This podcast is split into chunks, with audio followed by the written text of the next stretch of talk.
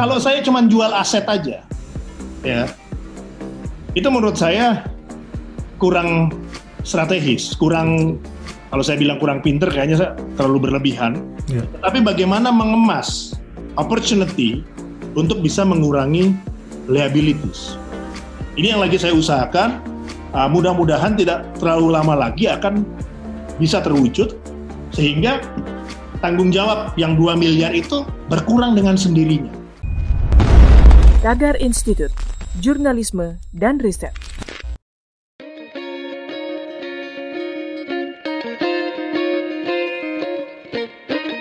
Halo Tagarians, para penonton setia Tagar TV dan pembaca setia tagar.id. Terima kasih untuk tetap bersama kami dan seperti biasa kami selalu memberikan berita maupun ulasan-ulasan yang menarik dan kali ini kami sangat beruntung kami bisa mengundang salah satu tokoh dan orang yang terkenal sebagai CEO bertangan dingin, yaitu seorang direksi ataupun direktur utama di uh, perusahaan BUMN ternama di Indonesia, apalagi kalau bukan PT Krakatau Steel Persero Tbk. Dan kali ini kami berhasil mengundang uh, eh, CEO-nya langsung, Bapak Silmi Karim. Pak Silmi Karim ini sudah banyak uh, berkiprah di dunia profesional, walaupun masih tergolong muda, beliau sudah pernah menjabat di beberapa posisi strategis. Sebelum di Krakatau Steel, beliau juga sudah pernah menjabat sebagai dirut di PT Barata Indonesia, kemudian juga dirut di PT Pindad, dan juga eh, posisi-posisi uh, strategis seperti pernah di anggota Dewan Analis uh, Strategi BIN dan Komisaris PT PAL Indonesia dan staf khusus Kepala uh, BKPM RI di tahun 2010-2011. Nah ini dia kita sapa dulu Pak Silmi Karim. Halo Pak Silmi. Halo juga. Terima kasih Pak. Sehat-sehat aja Pak. Terima kasih sudah bersedia untuk menerima undangan kami dari Tagar TV Pak. Terima kasih juga udah mengundang saya.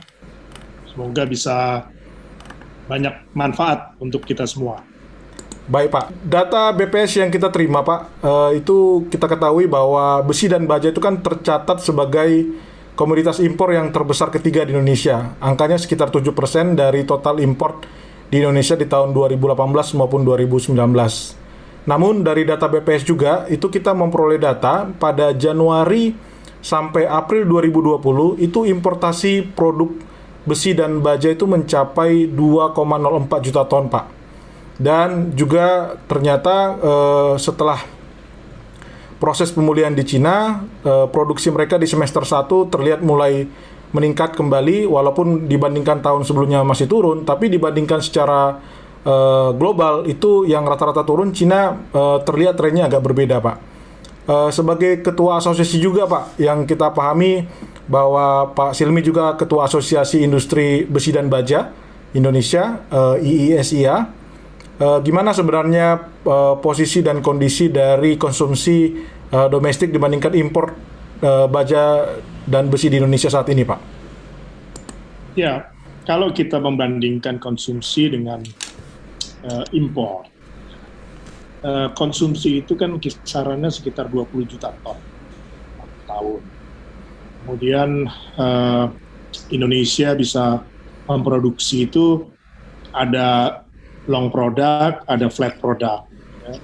Nah, kurang lebihnya itu yang diimpor itu di kisaran 7 sampai 8 juta sebenarnya uh, potensi itu masih bisa dipenuhi oleh dalam negeri untuk beberapa ya mayoritas bisa dipenuhi dalam negeri ya uh, tapi memang sayangnya uh, impor dari China atau juga dari Vietnam uh, terus kemudian beberapa dari negara uh, ex Soviet Union ya, itu uh, cukup signifikan mempengaruhi pasar baja di Indonesia. Nah, ini uh, memang perlu menjadi perhatian karena tadi yang seperti disampaikan menjadi komoditas komoditas import nomor tiga ya di Indonesia. Sehingga bisa menekan neraca perdagangan dan juga menekan kurs dampaknya. Karena kan untuk membeli produk import itu mesti membelinya dengan mata uang asing. Ya, sehingga kebutuhan atas mata uang asing itu meningkat Nah, oleh sebab itu, ketika saya bergabung, selain uh, membenahi internal KS juga melakukan pendekatan kepada pengambil kebijakan untuk aware, kemudian juga menginformasikan, kita melakukan upaya-upaya agar ada kebijakan yang kiranya dapat meningkatkan industri dalam negeri. Karena yang menarik, utilisasinya sebenarnya industri besi dan baja di Indonesia itu uh, saat sebelum COVID saja itu kisarannya di 50 persen. Ya. Nah, kena COVID tambah turun lagi.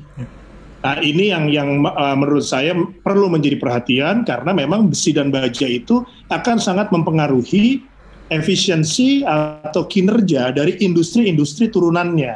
Hmm. Nah, kemudian tadi kan ditanya mengenai konsumsinya. Kalau kita bicara konsumsi lagi, itu sebenarnya uh, per kapitanya itu masih di bawah 100 kg per kapita per tahun. Yang mana ini menunjukkan bahwa Indonesia itu uh, pertumbuhannya masih ke depan masih bisa lebih tinggi. Kalau itu kita ambil dari positifnya. Tapi dari sisi lain uh, kita melihat bahwa memang kenapa kita upside-nya besar karena pembangunan infrastruktur di Indonesia masih ketinggalan ya. walaupun dalam lima tahun terakhir itu digenjot ya uh, pembangunan infrastruktur tapi potensi untuk lebih lagi juga masih banyak ya. Kemudian dari sisi uh, industri ya. Nah, dari sisi industri itu yang menarik juga kalau konsumsi per kapitanya masih rendah, artinya juga industrinya masih belum begitu uh, berkembang dalam konteks ber, uh, negara ya. Kemudian Indonesia kan masuk ke dalam uh, negara G20. Nah, artinya masih banyak PR yang perlu dilakukan dan ini buat industri baja merupakan potensi pasar.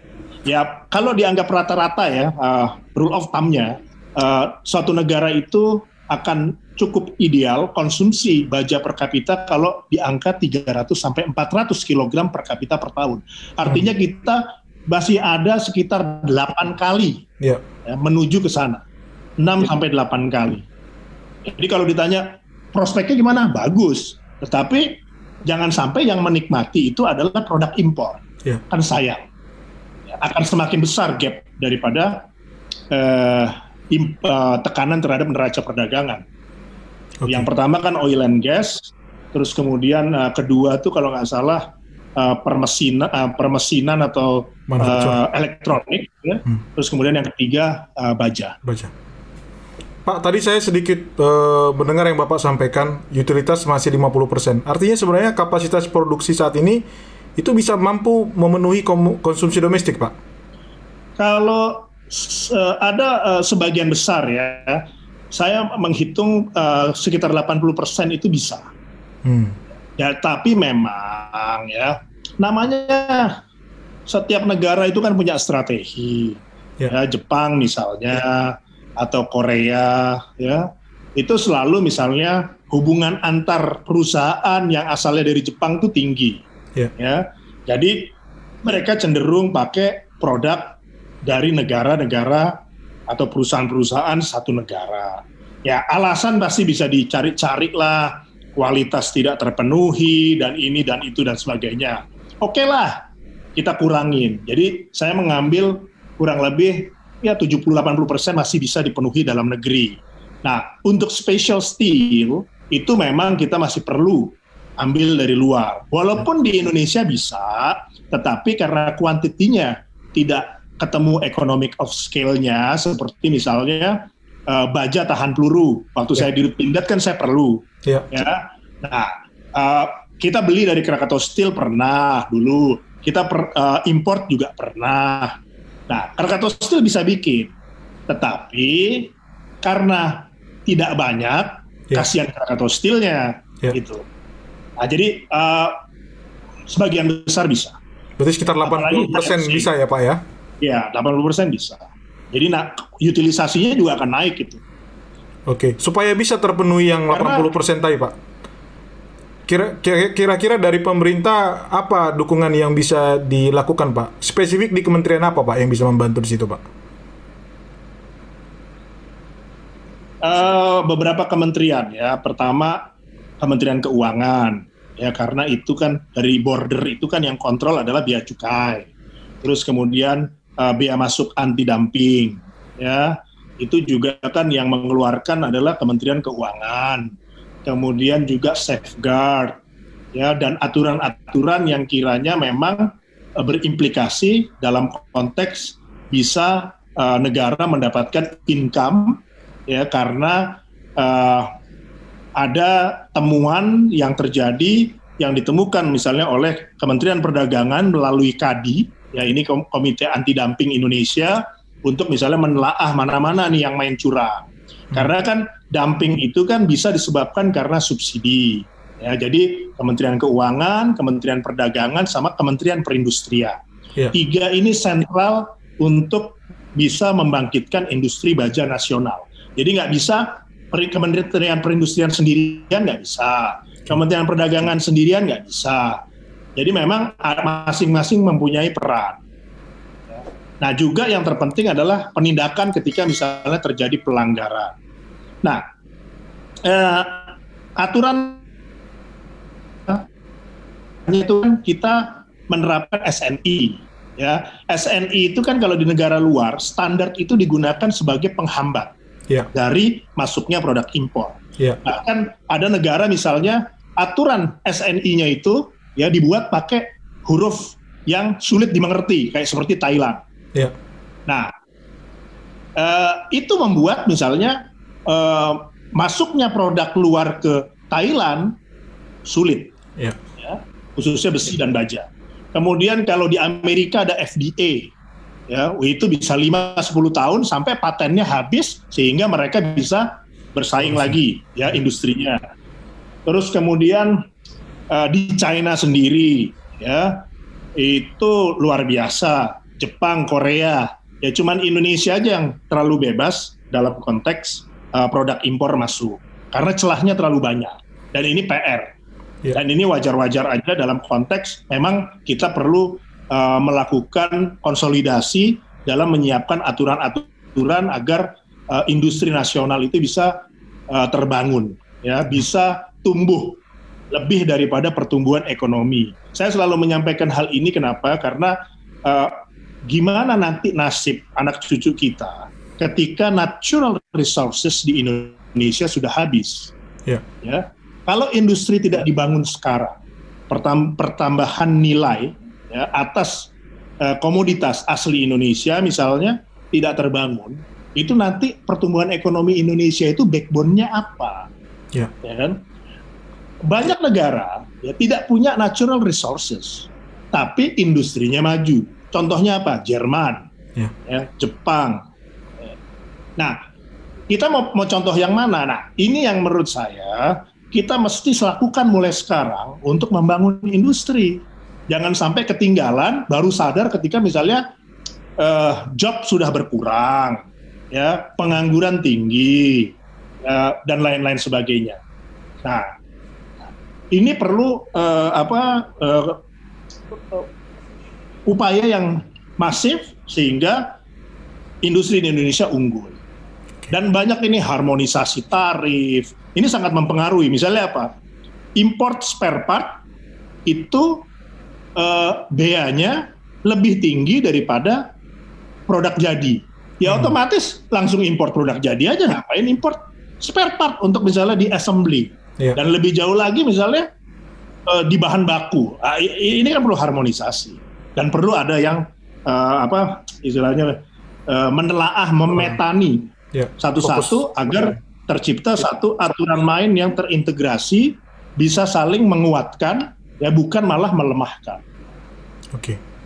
Oke, okay, uh, eh, Pak Silmi itu kan uh, Kemenperin itu sudah memperlakukan SNI produk baja secara wajib untuk sejumlah ada 28 SNI produk baja, Pak. Dan pemerintah katanya berkomitmen uh, terhadap program substitusi impor itu sebesar 35% uh, di tahun 2020.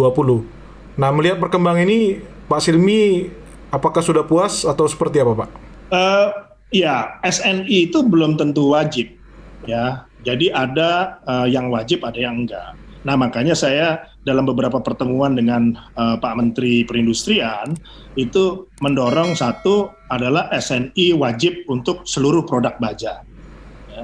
Jangan sampai ada misalnya missing link di tengah atau di A, di A, apa di hilir yang tidak menggunakan SNI wajib karena ini nanti berkonsekuensi terhadap industri hulunya. Terus kemudian jangan sampai ada SNI yang membuat masyarakat bingung seperti misalnya untuk baja tulangan beton. Karena SNI-nya ada dua. Satu baja tulangan beton, beton satu adalah keperluan umum. Nah, eh, orang yang awam tidak tahu, cuma tahu SNI aja. Ya. Ya. Oh ini adalah baja ber-SNI. Padahal tidak bisa dipakai untuk uh, bangun rumah atau buat apa bikin beton ya. tulangan. Nah hal-hal semacam ini kan harus ada yang di hapus. Ya ini juga sudah diusulkan. Jadi SNI bukan hanya dalam konteks standar industri, tetapi bisa untuk juga memproteksi dan juga bukan hanya memproteksi produsen, tetapi juga memproteksi konsumen. Karena hmm. mereka yang paling akan kena dampak jika terjadi misalnya bencana gempa, ya, ya dan ini kan kasihan menyangkut korban jiwa. Nah, ya. hal-hal semacam itu yang kita dorong bahwa SNI banyak kalau kita lakukan dengan baik, ya pengawasannya baik, ya, akan menyelamatkan banyak hal. Bahkan itu senjata. Nah di Indonesia yang bisa menerbat, menerbitkan sertifikasi SNI itu terlalu banyak. Hmm. Ya, kalau nggak salah tuh hampir 50 uh, eh, apa institusi. Jadi uh, apa menjadi komersial padahal kan ini bukan komersial. Ini adalah uh, apa uh, cara pemerintah dalam melakukan upaya upaya proteksi untuk ekonomi yang lebih besar. Ya. Nah itu yang yang uh, penting untuk kita uh, rapikan supaya lembaga-lembaga uh, swasta yang ditunjuk oleh pemerintah dalam menerbitkan SNI itu bukan hanya dalam konteks kuantitas, tetapi juga kualitasnya juga mesti tepat. Nah, itu ya. itu kurang lebih yang saya bisa cerita kaitan dengan uh, eh, SNI. Oke. Okay. Tapi saat ini sebenarnya posisi yang uh, mengejar untuk uh, terjadinya SNI itu sendiri khusus untuk baja ini apakah memang dari pemerintah sendiri atau dari ISEA itu sendiri, Pak? Ya dari asosiasi kan tentunya kita uh, punya punya uh, kepentingan ya karena namanya asosiasi itu kan berkumpulnya satu pelaku pelaku agar satu bisa survive ya setelah bisa survive, bisa mendapatkan keuntungan. Nah, terus kemudian dapatkan keuntungan, artinya kan ini adalah satu uh, institusi bisnis. Nah, tetapi kita juga punya responsibility selain hanya bicara bisnis, responsibility kepada konsumen agar uh, konsumen ini bisa terproteksi. Nah, selain itu, kalau misalnya bisnis ini jalan, kan ada pendapatan buat pemerintah. Ya. Nah, pemerintahnya juga punya pendapatan lebih baik. Kemudian industrinya maju bisa menghimpun karyawan masuk kerja sehingga menurunkan pengangguran. Ya. Kemudian daripada itu tercipta satu ekosistem industri yang akan mendukung namanya daya saing nasional. Jadi ini menurut saya hal-hal yang berkaitan dan menurut saya juga positif buat Indonesia. Jadi uh, ini adalah salah satu cara yang baik untuk win-win dalam konteks uh, apa namanya satu uh, kolaborasi mekanisme apa? proses ya. yang terdiri dari daripada individu-individu atau organisasi atau institusi di dalam suatu negara dalam mendukung pertumbuhan ekonomi atau juga uh, kepentingan ekonomi nasional. Oke, okay. uh, Pak Silmi kita masuk lebih ke mikronya Pak, masuk ke Krakatau Steelnya Pak uh, data dari laporan keuangan itu kan memang sudah terlihat positif. Mulai dari kuartal pertama 2020 itu laba operasi sudah tercatat 53,6 juta dolar Amerika Serikat dan laba bersih 74,1 uh, eh, dan semester 1 sendiri laba operasi 70 juta, laba bersih 4,5 juta. Di mana kita ketahui sekitar 8 tahun belakangan itu kan masih tercatat rugi bersih nih Pak, baik yang dari laba bersih uh, maupun laba operasi. Nah, sebenarnya bisa dipetakan nggak Pak, secara general dulu kita bicara, apa strategi yang sudah dilakukan oleh Pak Silmi uh, mulai menjabat dari 2018 yang lalu Pak? Waktu saya menjabat itu kan yang uh, mengagetkan saya kan adalah jumlah hutang dan juga kemampuan untuk membayar. Ya. Kemudian ditambah ada proyek-proyek yang uh, dalam tanda kutip agak terbengkalai. Sehingga saya mesti menyelesaikan permasalahan-permasalahan satu persatu sambil menyiapkan tim untuk bisa uh, ber, uh, melakukan sesuatu ke depan dalam konteks uh, restrukturisasi dan transformasi. Yeah.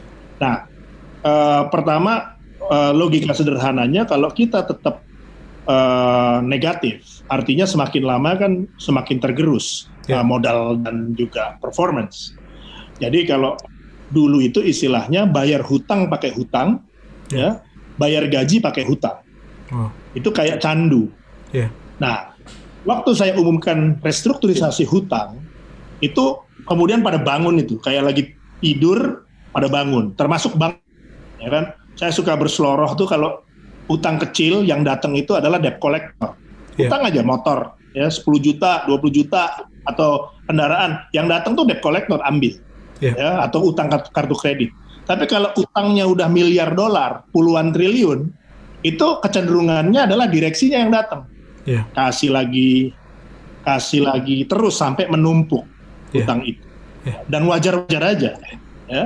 Nah, kemudian, uh, wah ini kan saya harus umumkan. Nah, itu langsung dikunci fasilitas.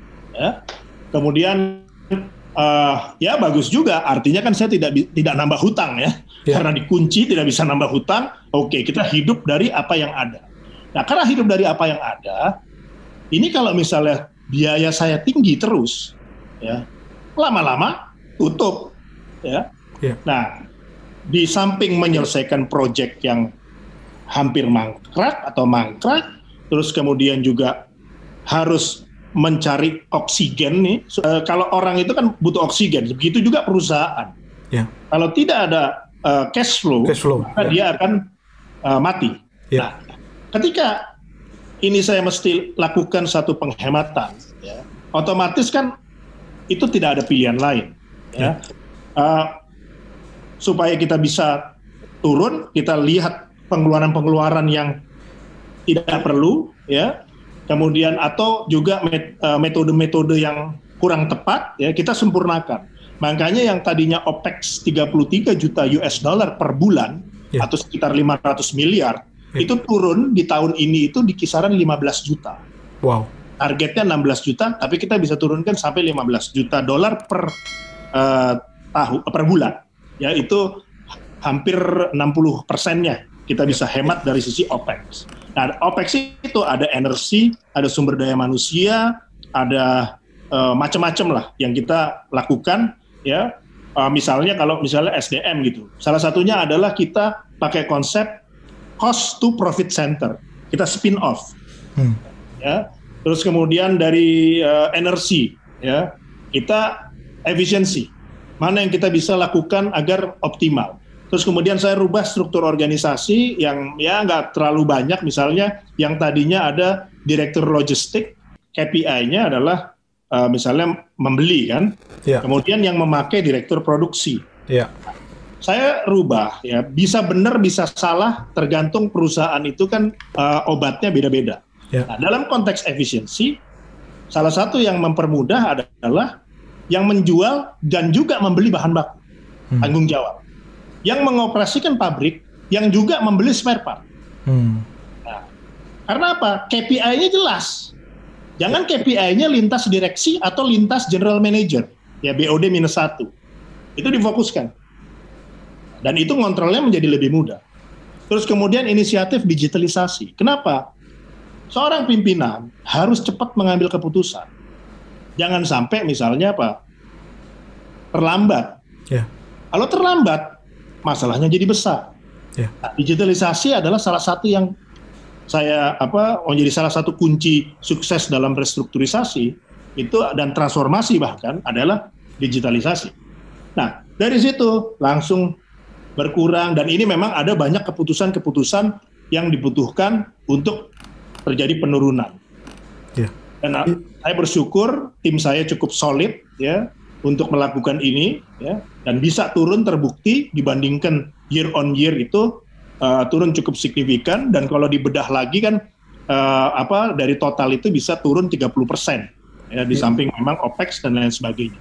Iya Pak, Me- memang dari catatan kita eh, yang kita baca dari laporan keuangan semester 1 2020 pendapatan itu memang turun minus 21 persen, namun eh, kalau kita lihat untuk beban pokok penjualan itu turun sampai 31 persen Pak. Jadi lebih lebih dalam lagi efisiensi yang dilakukan dan yang paling signifikan itu beban umum dan administrasi turun minus 47 persen Pak. Berarti itu tadi yang Bapak sampaikan kurang lebih detailnya ya? Ya, jadi memang eh, di sini kalau kita melakukan turnaround, ya, yang awal dilakukan adalah manage cost. Karena kalau kita eh, manage eh, apa namanya eh, salesnya, belum tentu memberikan benefit signifikan. Ya. Karena ada juga beberapa produk yang tidak menguntungkan saya stop. Hmm. Bukan hanya produk, pabriknya juga. Ma- Nah. maksudnya anak perusahaan gitu Pak atau gimana? Enggak, ini masih di IKS. Oke. Kalau anak perusahaan saya malah lebih ringan. Oke. Uh, itu uh, apa namanya restrukturisasi dan transformasinya itu bisa sambil jalan karena beberapa anak perusahaan itu bagus-bagus. Bahkan kontribusinya itu sampai kemarin September itu kalau tidak salah tuh uh, mereka sudah bisa bukukan net profit tuh 40 juta dolar. Oke. Ya, mungkin nanti kita masuk 100 miliar. kita masuk nanti setelah itu Pak ke anak perusahaan Iya. Pak. Mungkin kita fokus yang KS-nya dulu Pak. Iya, jadi dari sisi KS itu kuncinya adalah dari semuanya kuncinya juga adalah pengendalian biaya. Tapi especially KS itu menjadi sangat eh, signifikan eh, untuk dilakukan ya. Disam- di- dibandingkan kita eh, meningkatkan sales. Jadi yang penting itu adalah untung, spread. Jadi spread itu saya bebankan ke direktur komersial. Jadi eh, kenapa? Karena kalau tidak ada spread, mereka membeli bahan bakunya menjadi tidak optimal kan. Jadi kalau misalnya beli bahan baku harganya misalnya 100 ya. Kalau kita targetkan spreadnya adalah 50, artinya dia harus jual 150 Iya. gitu. Dibandingkan apa? Yang beli bahan baku A, yang jual B, nggak akan ketemu Iya. gitu. Nah ini adalah salah satu hal yang dilakukan untuk menciptakan satu significant improvement dalam waktu yang singkat. Saya tadinya berpikir itu tiga tahun, Hmm. tapi setahun aja udah bisa kelihatan. Karena ini kan organisasinya besar ya. Eh, orang mungkin eh, apa namanya eh, banyak yang belum tahu misalnya eh, seberapa besar si KS gitu. Total grup itu awal muasalnya itu eh, karyawan itu sekitar hampir bahkan eh, mungkin 15 ribu ya. Terus kemudian apa namanya perusahaannya itu ada total 60 gitu. Jadi cukup besar ini organisasinya. 15.000 itu karyawan tetap Pak semuanya permanen. Eh, bercam- eh, campur semua ada ya. Oke. Semua ada tetap organik, non organik dan lain sebagainya. Oke. 16 ribu lah, angka-angka itulah. Nah sekarang ini target saya untuk di induk aja bisa 3 ribu. Hmm. Di induk aja. Yang tadinya waktu saya masuk mungkin sekitar 8 ribu something lah, hampir 9 ribu. Jadi kita ada program-program yang tadi spin off, terus kemudian juga program-program optimalisasi, eh, apa namanya, kita dorong juga misalnya eh, eh, program apa eh, pensiun dini dan lain sebagainya. Ya. Terus kemudian penempatan penempatan ke anak perusahaan, ya, jadi eh, apa eh, upaya-upaya dalam konteks optimalisasi. Itu Dan gimana? sampai sekarang tidak ada PHK. Nah, itu dari 8.000 sampai akhirnya jadi 3.000 itu Pak, approach-nya seperti apa dong kalau tidak ada PHK? Eh, outsourcing. Oke. Jadi outsourcing itu yang tadinya adalah eh, apa berdasarkan eh, Project headcount, pekerjaan gitu ya? Hmm. headcount, kita rubah menjadi pekerjaan. Hmm. Karena kalau misalnya lab- labor supply, ya itu kan akhirnya KPI-nya tidak terkontrol. Iya. Ya. Nah ini kita rubah. Misalnya kebersihan, ya kita taunya bersih. Mau pakai 10 orang, mau 20 orang, kita nggak tahu. Itu kita hire. Hmm. ya, vendor lain. Ya. Itu jadi tidak terhitung sebagai headcount. Nah, otomatis si vendor juga melakukan efisiensi. Ya bah- bahwa kemudian ada yang misalnya yang tadinya eh, apa kita tidak perpanjang itu adalah karyawan vendor-vendor, bukan karyawan eh, KS. Oke. Nah, bahkan vendor-vendor itu juga ada di anak perusahaan KS. Hmm. Jadi menjadi vendor di KS. Jadi eh, terlalu kompleks eh, apa kompleksitasnya saat itu memang eh, membuat sulit KS untuk mengambil satu langkah-langkah karena udah kejerat A, kejerat B, kejerat C gitu. Jadi manajemen tidak tidak mudah. Nah waktu itu eh, ketika kita melakukan, saya kumpulkan direksi, saya bilang kita lebih bagus eh, mengambil langkah yang tidak populis, ya, tetapi eh, akan bermanfaat daripada misalnya kita diberhentikan karena tidak melakukan hal yang benar. Hmm. Jadi ya udahlah tidak populis nggak apa-apa ntar dimarahin kita siap ya kompak semua oke kita ambil keputusan. Jadi saya selalu berusaha eh, mengambil keputusan itu kolektif Ya. bahwa direktur utama eh, mengambil satu eh, langkah awal atau lead dalam konteks manajemen tetapi tetap kita harus melibatkan karena ownership itu penting Ya. Top down itu kelemahannya adalah ownershipnya rendah. Nah, kalau ownershipnya rendah, hasilnya tidak akan maksimal. Betul. Jadi selalu melibatkan. Sampai ke penggantian orang juga seperti itu. Ya. Jangan kita top down aja, kita mesti tanya. Yang diganti, kita tanya siapa. Atasannya kita tanya siapa. Hal-hal semacam itu tuh udah apa, udah otomatis lah dilakukan eh, tanpa ada urusan misalnya like or dislike gitu, nggak penting. Ya like or dislike itu malah kita membuat tidak perform nantinya. Jadi kita memang harus benar-benar fokus eh, ambil keputusan dengan waktu yang relatif cepat, ya. Terus kemudian juga ketika ada masalah kita respon juga cepat, ada opportunity respon dengan cepat. Nah ini culture-culture yang kita dorong dan juga saya mendorong anak-anak muda ya di KS untuk bisa eh, berkarya. Itu saya berikan jalur apa eh, shortcut atau jalur cepat ya dan eh, apa namanya ya mungkin ada yang merasa uh kok dia umur 30 sekian udah jadi general manager atau jadi direksi anak perusahaan ya ini adalah bagian ya saya kan nggak se- seumur hidup ada di KS kan suatu saat ya. ada penugasan baru atau Ya. apa nah ketika kita sudah eh, ciptakan eh, ini Ya, ya. semua artinya kan mereka bisa nantinya meneruskan udah biasa regenerasinya udah jalan Iya, iya. Nah, eh, Pak Silmi kan dalam catatan kita eh, entitas anak melalui kepemilikan langsung dari eh, KS itu kan ada 11 perusahaan Pak, ada PT. Kemudian tidak langsung ada 9 PT, terus ada 3 Ventura bersama serta 14 entitas asosiasi, Pak. Nah, ini tentu kan tadi yang Pak Silmi sudah bilang ada yang eh, untung, ada yang rugi, Pak. Nah, gimana proyeksi dari Pak Silmi dalam beberapa tahun ke depan? Idealnya nanti akan seperti apa eh, Pak Silmi bentuk ini, Pak? Karena eh, dari Pak Erick Thohir sendiri kan selalu eh, menggaungkan sebisa mungkin eh, diefisiensikan eh, bahwa BUMN itu terkenal dengan banyak anak perusahaan bahkan cucu bahkan cicit gitu Pak. Nah untuk KS sendiri apa strategi jangka panjang dari eh, Pak Silmi Pak? Eh, sebelum ke jangka panjang, saya cerita jangka pendeknya dulu. Ya. Jadi satu adalah di dana pensiun sendiri KS ada misalnya belasan perusahaan. Hmm. Dana pensiun di KS itu yang menyangkut kesehatan atau pensiun itu ada tiga. Dan ada yang punya ini, punya itu. Nah ini eh, sampai akhir tahun ini saya tiadakan. Tidak boleh ada di dana pensiun yang eh, apa eh, punya usaha operasional. Hmm. Kalau masuk kepada eh, investasi silahkan, tapi jangan operasional. Yang operasional saya tarik. Ya. Nah setelah ditarik ya atau dalam proses tarik sampai akhir tahun ini saya targetkan mereka udah nggak ada. Kemudian sekaligus saya kumpulkan yang sejenis. Ya, misalnya yang berhubungan dengan logistik port satu satu jenis. Karena ini kan buat mendukung industri baja. Ya. Nah, jadi saya bagi ada empat kuadran. Industri baja untung, non industri baja tidak untung, kemudian tidak industri baja dan tidak untung, atau yang non eh, industri baja tapi untung. Untung. Hmm. Ya kan? Kalau yang udah tidak berhubungan, rugi. udah selesai Oke. mati ya likuidasi dan lain sebagainya ya.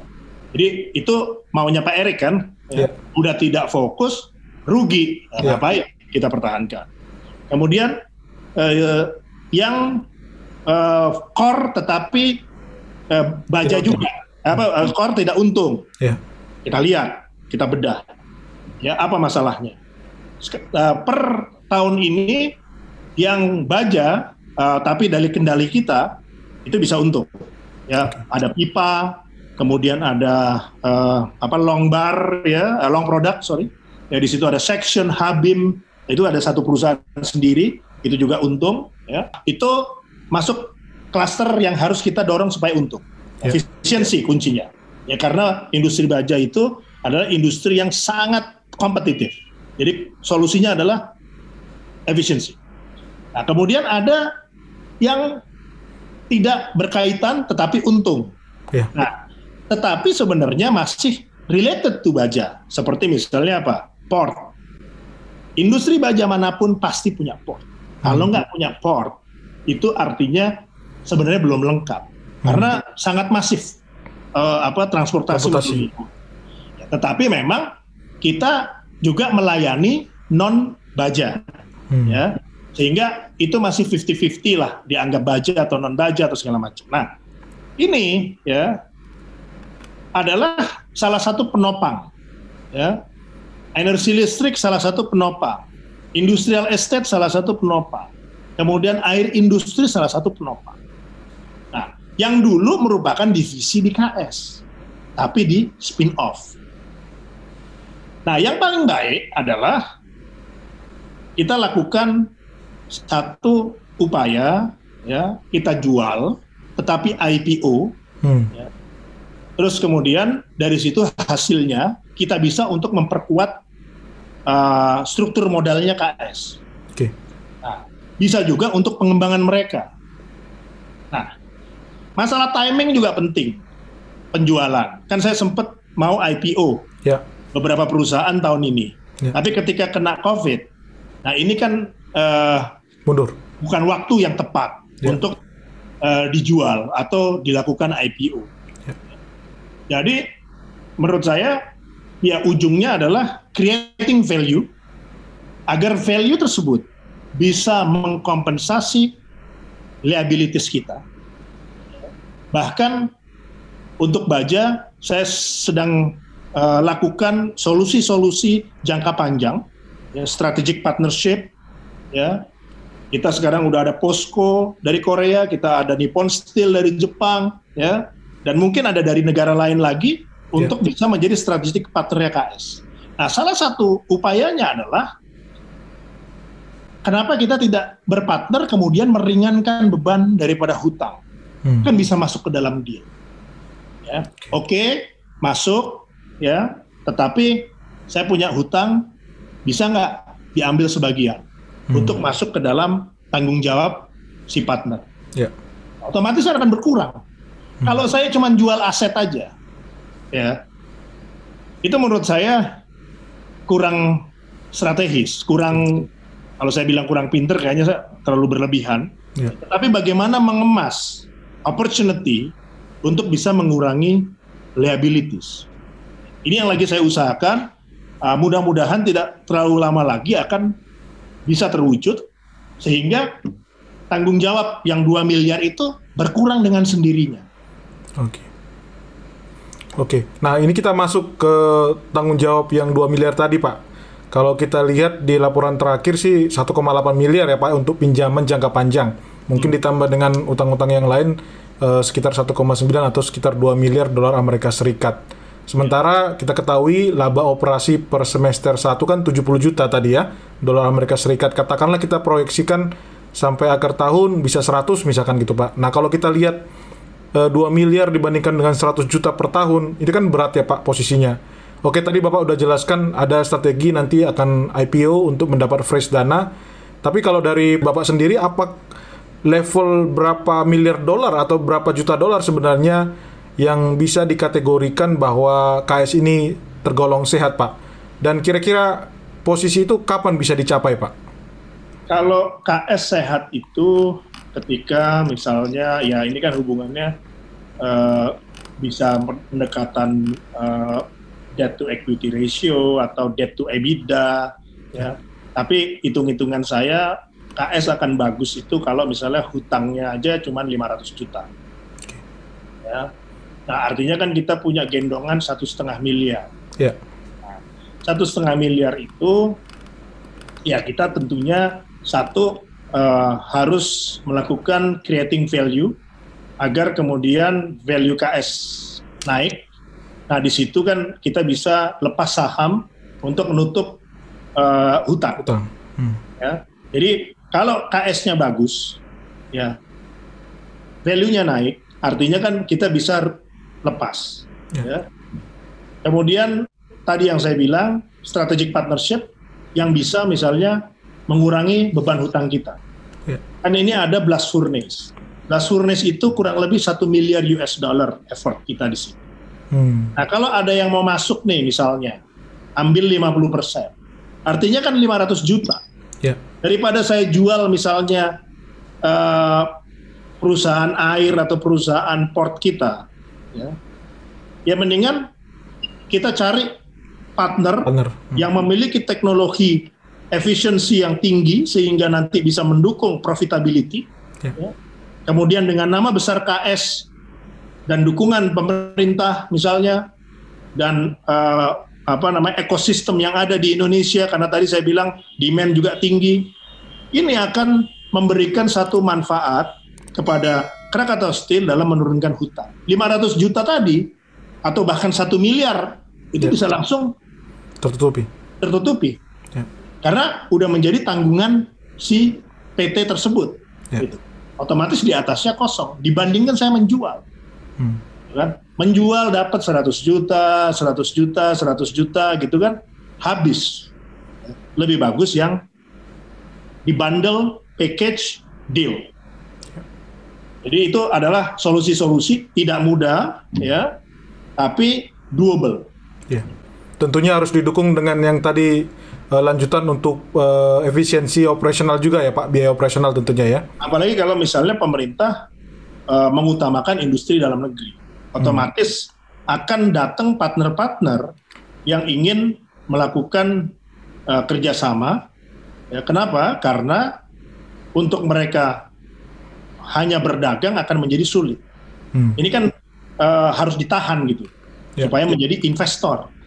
Jangan lagi hanya hubungannya tuh dagang lagi, dagang lagi. Akhirnya kita jadi negara pasar. Hmm. Datang, beresin. Nah, ini yang yang saya kita lagi saya udah komunikasi dengan Menteri BUMN, dengan Kepala BKPM kaitan dengan investasi, yeah. ya, terus kemudian juga dengan kementerian-kementerian lain agar bisa mendukung uh, apa proses daripada turnaroundnya KS. Dan ini mendapatkan atensi dari uh, Presiden, ya, dapat atensi uh, dari banyak pihak agar KS bisa segera recover. Oke. Uh, mengenai ini Pak, dana talangan dari pemerintah yang sebesar 3 triliun, itu posisinya sekarang seperti apa Pak? Dan nanti kalau dari yang kita uh, baca di media juga, informasi yang kita terima, itu kan dari Pak Silmi mengatakan akan digunakan untuk memberikan relaksasi pembayaran kepada konsumen. Teknisnya seperti apa Pak Silmi? Ya, istilahnya kan berubah terus. Awalnya dana talangan, tapi DPR kemudian uh, apa diskusi sampai sana, terus ke Kementerian Keuangan, ada Komisi 11 juga dan lain sebagainya lah. Nah, kita itu kan di luar jangkauan saya. Nah, akhirnya diputuskan adalah namanya uh, obligasi wajib konversi OWK. Kalau dalam bahasa luarnya itu adalah uh, mandatory convertible bond. Yeah. Uh, buat saya apa pun namanya, ya, selama mendukung likuiditas dalam rangka uh, pemulihan ekonomi nasional, ya, ini sangat penting. Ya, nah, kenapa saya bilang sangat penting? Ini berhubungan dengan tujuannya, PEN. Bagaimana bentuknya? Oke, KS adalah industri hulu. Yang menggunakan produk-produk KS adalah industri pengguna baja. Ya. Siapa aja misalnya yang menggunakan baja ya, itu hampir semua galangan kapal sampai industri makanan kaleng-kaleng itu semua asal muasalnya baja. Ya. Kemudian industri hilir, ya, misalnya apa? Baja ringan, atap itu kan hilir, ya. ya dari dari apa? Dari iron ore menjadi slab, slab menjadi HRC, HRC menjadi CRC, ya. Jadi kemudian uh, di galval uh, di, di galvanize atau dikasih aluminium, kasih timah, kasih apa itu produk turunan terus sampai ujung. Ya. Nah, itu mereka oksigennya berkurang karena COVID. Ya. ya. Nah, kalau mereka mati, siapa yang beli produk AS? Betul. Nah, kalau mereka mati, impor masuk. Nah, kita bikin kajian, kajian saintifik. Kita sampaikan kepada Kementerian Keuangan. Ini ya. kejadiannya nih. Nanti kalau misalnya kita tidak selamatkan, bukan ya. hanya KS, is okay, itu. Tapi industri hilir dan pengguna baja dan banyak hal akan berkonsekuensi kepada tenaga kerja, akan berkonsekuensi terhadap pendapatan negara karena nanti jadi impor semua dan juga menjadi daya saing. Nah, ide ini masuk ke dalam pikiran pengambil kebijakan. Kemudian kita disupport. Ya. Walaupun masih dalam proses, ya, tapi ini akan banyak manfaatnya dalam menjaga kelangsungan ekosistem industri baja nasional. Dan ini bukan hanya itu ujungnya, tetapi dengan dukungan tadi misalnya SNI, karena kan saya juga 50% itu adalah melakukan upaya uh, dalam konteks uh, kebijakan. Ya. Yeah, yeah. Nah, pendekatan-pendekatan gitu, 50% internal, 50% keluar. Nah, ini harus diberesin karena jangan sampai kita hanya beresin mikronya, makronya masih uh, kurang signifikan, kurang kondusif. Gitu. Yeah. Nah, ketika ini berjalan, ya, saya yakin industri baja nasional akan menjadi industri unggulan. Karena ekosistemnya benar, efisien, ya, dan kemudian juga bisa menjadi satu andalan dalam konteks uh, industri maupun juga infrastruktur. Okay. Ini belum sampai creating demand. Saya belum masuk ke sana. Creating demand itu kayak yang dilakukan pemerintah China. Jadi untuk mendorong misalnya industri bajanya, mereka membangun terus jembatan ya dan lain sebagainya. Hmm. Otomatis kalau dibangun jembatan, elevated toll road, dibangun infrastruktur. Nah, saya sekarang baru dalam tahap lobbynya itu lobby regulasi, menyelamatkan yeah. dulu. Setelah yeah. itu pertumbuhan yeah. dan konsumsi per kapita akan menjadi lebih tinggi. Belum lagi kemudian nanti kan misalnya industri otomotif, ya ini kan juga tetap uh, salah satu yang terbesar lah dalam menyerap uh, industri baja. baja. Hmm. Oke, okay. uh, Pak Silmi, uh, pernyataan terakhir Pak Uh, seperti yang publik ketahui, Pak Silmi Karim ini kan dianggap sebagai CEO yang bertangan dingin dan bisa jadi melihat track record Bapak, Bapak bisa jadi dibutuhkan di posisi-posisi strategi lainnya. Artinya mungkin uh, tidak akan lama misalkan di Krakatau Steel, Pak.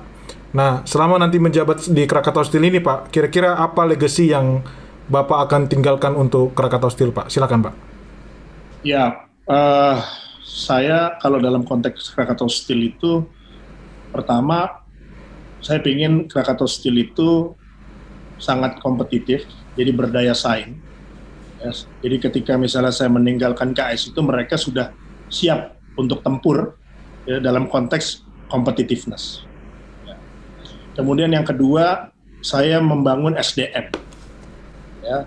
Karena siapa pun uh, kalau ditinggalkan kemudian turun ya performance-nya artinya dia belum sukses. Nah, saya membangun SDM supaya SDM-nya itu juga SDM SDM petarung. Ya, petarung dalam arti positif. Saya nggak suka spend too much energy juga buat suatu hal yang misalnya uh, cuman adu pinter misalnya. Oh. Udah adu pinter udah waktu zaman sekolah. Yeah. Sekarang itu adu kita mencari solusi. solusi. Bagaimana hal yang rumit menjadi simple, bukan yang simple jadi rumit. Itu sering saya ingatkan hmm. kepada teman-teman. Udah, udah, nggak usah adu pinter. Debat terlalu banyak gitu ya. Udah, udah selesai. Gitu. Jadi sekarang tujuannya adalah cari solusi dan uh, cari uh, apa profit gitu supaya ada actionnya. Nah, daripada banyakkan diskusi. Walaupun tetap diskusi juga penting, tapi yeah. artinya uh, kita masih tahu arahnya. Dan ini kita latih. Dan saya beri kesempatan. Saya putar. Saya lakukan eh, upaya-upaya agar SDM kita tuh unggul. Nah, ketika itu terjadi, artinya kalau saya pergi, mereka yang akan menjalankan uh, sukses, ya, menjalankan upaya-upaya yang sudah saya lakukan agar bisa berkesinambungan. Nah, kalau dua itu bisa kejadian, ya, terus kemudian ditambah, misalnya saya bisa membantu mensuplai SDM bagus ke BUMN lain, nah itu saya berhasil. Hmm. Nah itu legacy yang saya tinggalkan untuk KS. Jadi siap tempur, berdaya saing ya sebagai perusahaan. Kemudian saya punya SDM unggul yang bisa melanjutkan dan juga bisa berkontribusi kepada uh, BUMN lain karena sudah uh, menjadi SDM unggul di Krakatau Steel. Kan kalau sekarang kan misalnya Bank Mandiri ditempatkan di banyak BUMN lain. Saya ingin suatu saat KS juga menempatkan di BUMN lain karena pengalaman dan juga uh, kualitas quality daripada uh, eh, SDM KS juga semakin baik. Jadi mampu untuk uh, malah supply ke BUMN-BUMN lain ya Pak ya? Karena kapasitasnya yang bagus-bagus gitu ya Pak? Oke. Okay. Baik, Demikian uh, Tagarians diskusi kami kurang lebih 40 sampai 50 menit tidak terasa dengan Pak Silmi Karim, Direktur Utama PT Krakatau Steel Persero Tbk. Terima kasih Pak Silmi untuk waktunya. Sampai ketemu kembali. Terima kasih. Sampai ketemu kembali. Semoga bermanfaat bagi kita semua.